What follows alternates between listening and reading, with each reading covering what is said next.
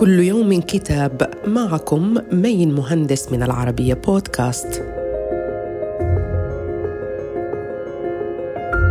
نتناول اليوم كتاب على طريقة فيرجن لمؤلفه ريتشارد برانسون رجل الأعمال البريطاني والمؤسس والمدير التنفيذي لمجموعة شركات فيرجن. ويتحدث برانسون في كتابه على طريقة فيرجن عن مرحلة الشباب وأسرار حياته الشخصية كما يتطرق إلى نجاح مقاضاته الحكومة البريطانية بعدما سحبت خط تشغيل سكك الحديد لحساب منافسه.